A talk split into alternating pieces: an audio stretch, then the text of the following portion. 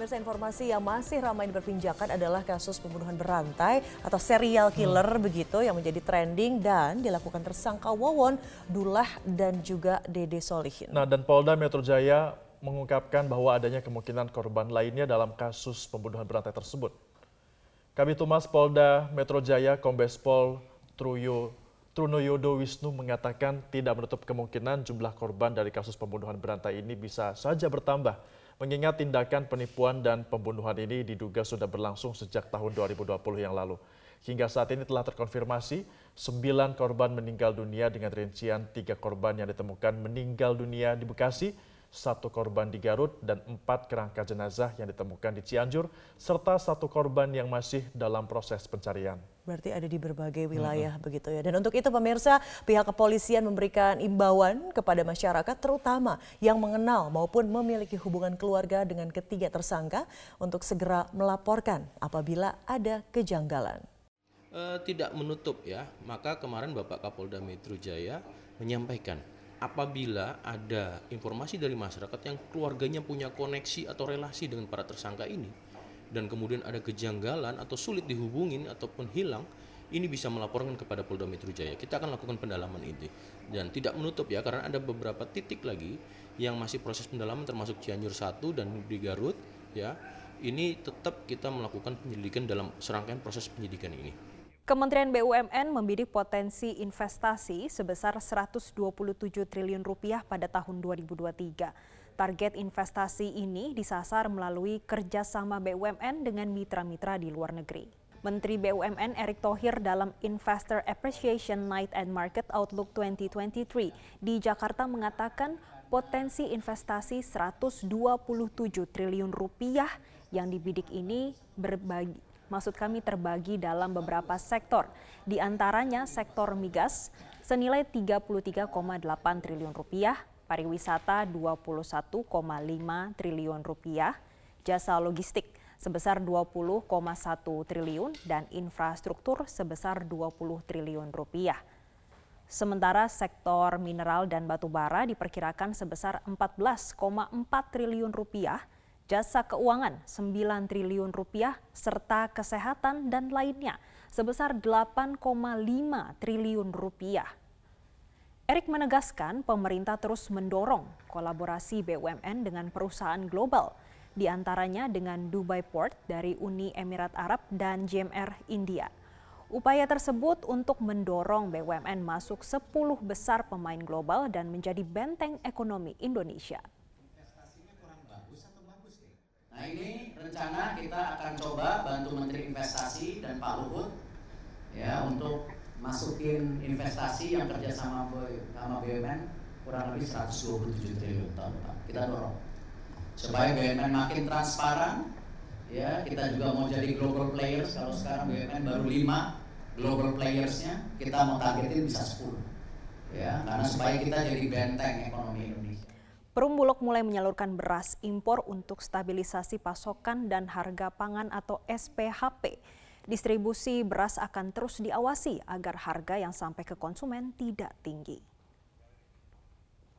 Direktur Utama Perumbulog, Budi Waseso, menjelaskan beras impor akan didistribusikan secara bertahap ke beberapa provinsi di Indonesia. Bulog mematok harga beras impor kualitas premium ini sebesar Rp8.300 per kilogram. Dengan demikian, harga eceran tertinggi di tingkat konsumen tidak lebih dari Rp9.000 hingga Rp9.450 per kilo.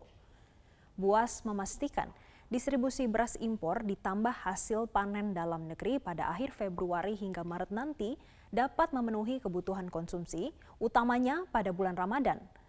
Total beras impor dari sejumlah negara ASEAN dan Pakistan ini mencapai 500 ribu ton. Pemirsa Panglima TNI Laksamana TNI Yudo Margono mengunjungi kawasan ibu kota negara yang baru atau IKN di Kecamatan Sepaku, Kabupaten PPU Kalimantan Timur. Di sela-sela kunjungan, Panglima TNI melihat langsung lokasi yang akan dibangun markas besar TNI. Kunjungannya dilakukan Laksamana TNI Yudo Margono ke IKN Nusantara menjadi kunjungan perdana sejak dilantik menjabat sebagai Panglima TNI. Kunjungan Panglima TNI ke kawasan ibu kota negara baru sekaligus ingin melihat langsung lokasi yang akan menjadi markas besar TNI nantinya. Rencananya markas besar TNI di ibu kota negara baru akan dibangun di atas lahan seluas 240 hektar yang melingkupi markas TNI Angkatan Darat, Angkatan Laut, dan Angkatan Udara. Pembangunan Mabes TNI akan dilakukan setelah seluruh infrastruktur dasar dan istana kepresidenan rampung. Selain itu, Panglima TNI juga mengungkapkan status pangkalan TNI Angkatan Laut akan ditingkatkan menjadi Lantamal Balikpapan. Saat mengunjungi ibu kota negara baru, Panglima TNI didampingi sejumlah petinggi TNI, di antaranya Pangdam 6 Mula Warman, Mayor Jenderal TNI Tri Budi Utomo, dan Lanal Balikpapan Kolonel Rashid Al-Hafiz, dan Dan Lanut Domber Balikpapan Kolonel Penerbang Sidik Setiono.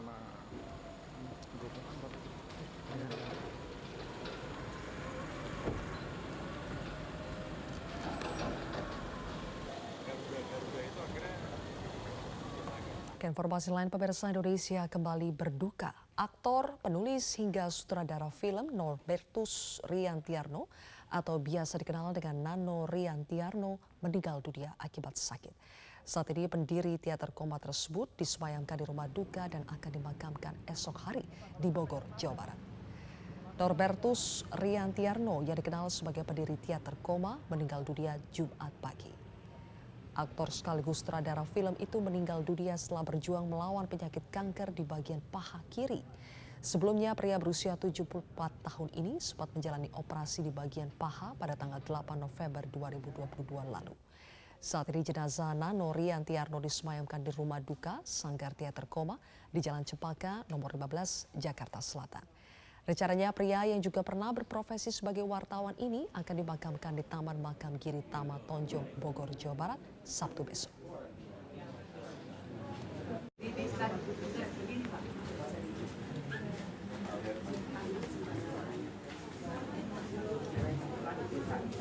So, dia itu agak Nanorian Tiarno itu setauku sangat luas urusan cari duit loh ya. Tapi ada pembatasnya juga. Dia nggak mau ada sponsor di panggung. Itu eh, aku nggak tahu sampai sekarang tapi itu pekerjaan sampai tahun 2000-an itu dia keras banget. Di luar oke okay lah di Bali tapi nggak ada nggak boleh ada. Itu keras banget di situ. Jangan ngelihatnya sekarang. Sekarang karena terbuka kelihatannya biasa. Zaman Pak Harto dia oh, berapa kali di, di, ditutup dihentikan. Dia, dia tetap begitu. Gitu dia kehilangan sosok yang berani uh, yang bukan seni untuk seni kalau istilahku. Tapi seni untuk sosial kan seni untuk seni itu drama percintaan drama uh, uh, dia mengungkapkan itu di panggung kehilangan sosok itu Sidang kasus tragedi Kanjuruhan akan kembali dilaksanakan hari ini terhadap tiga terdakwa dari pihak kepolisian. Sidang dilaksanakan secara daring dan terbuka untuk umum. Setelah sidang pemeriksaan saksi kasus tragedi Kanjuruhan terhadap dua terdakwa Abdul Haris selaku Ketua Panitia Pelaksana Arema FC dan Suko Sutrisno sebagai Security Officer, hari ini sidang kembali digelar di Pengadilan Negeri Surabaya terhadap tiga orang terdakwa dari pihak kepolisian. Tiga terdakwa yakni AKP Has Darmawan, Kompol Wahyu Setio Pranoto, dan AKP Bambang Sidik Ahmad. Sidang direncanakan akan berlangsung secara daring dan terbuka dengan agenda sidang pembacaan nota keberatan atau eksepsi. Sebelumnya, sidang kedua dari kasus kerusuhan yang terjadi di Stadion Kajuruhan Malang, Jawa Tengah ini digelar di Pengadilan Negeri Surabaya Kamis siang. Berbeda dengan sidang perdana yang dilakukan secara daring dan tertutup. Sidang kedua ini dilangsungkan secara luring dan terbuka. Terdakwa Ketua Panitia Pelaksana Arema FC Abdul Haris dan Security Officer Suko Sutrisno dihadirkan langsung di persidangan. Agenda sidang kedua yakni pemeriksaan saksi dengan jumlah saksi sebanyak 17 orang. Jaksa penuntut umum sebelumnya mengundang 35 saksi namun berhalangan sehingga hanya 17 saksi yang dimintai keterangan. Pemeriksaan sejumlah saksi ini dilakukan karena penasihat hukum dari kedua terdakwa tidak mengajukan eksepsi. Rencananya, jaksa penuntut umum akan menghadirkan total sekitar 95 orang saksi termasuk 15 orang ahli untuk menguatkan dakwaan terhadap Suko Sutrisno dan Abdul Haris dengan pasal 359 dan 360 KUH pidana berkaitan dengan kealpaan atau kesalahan yang mengakibatkan orang lain luka-luka bahkan meninggal dunia.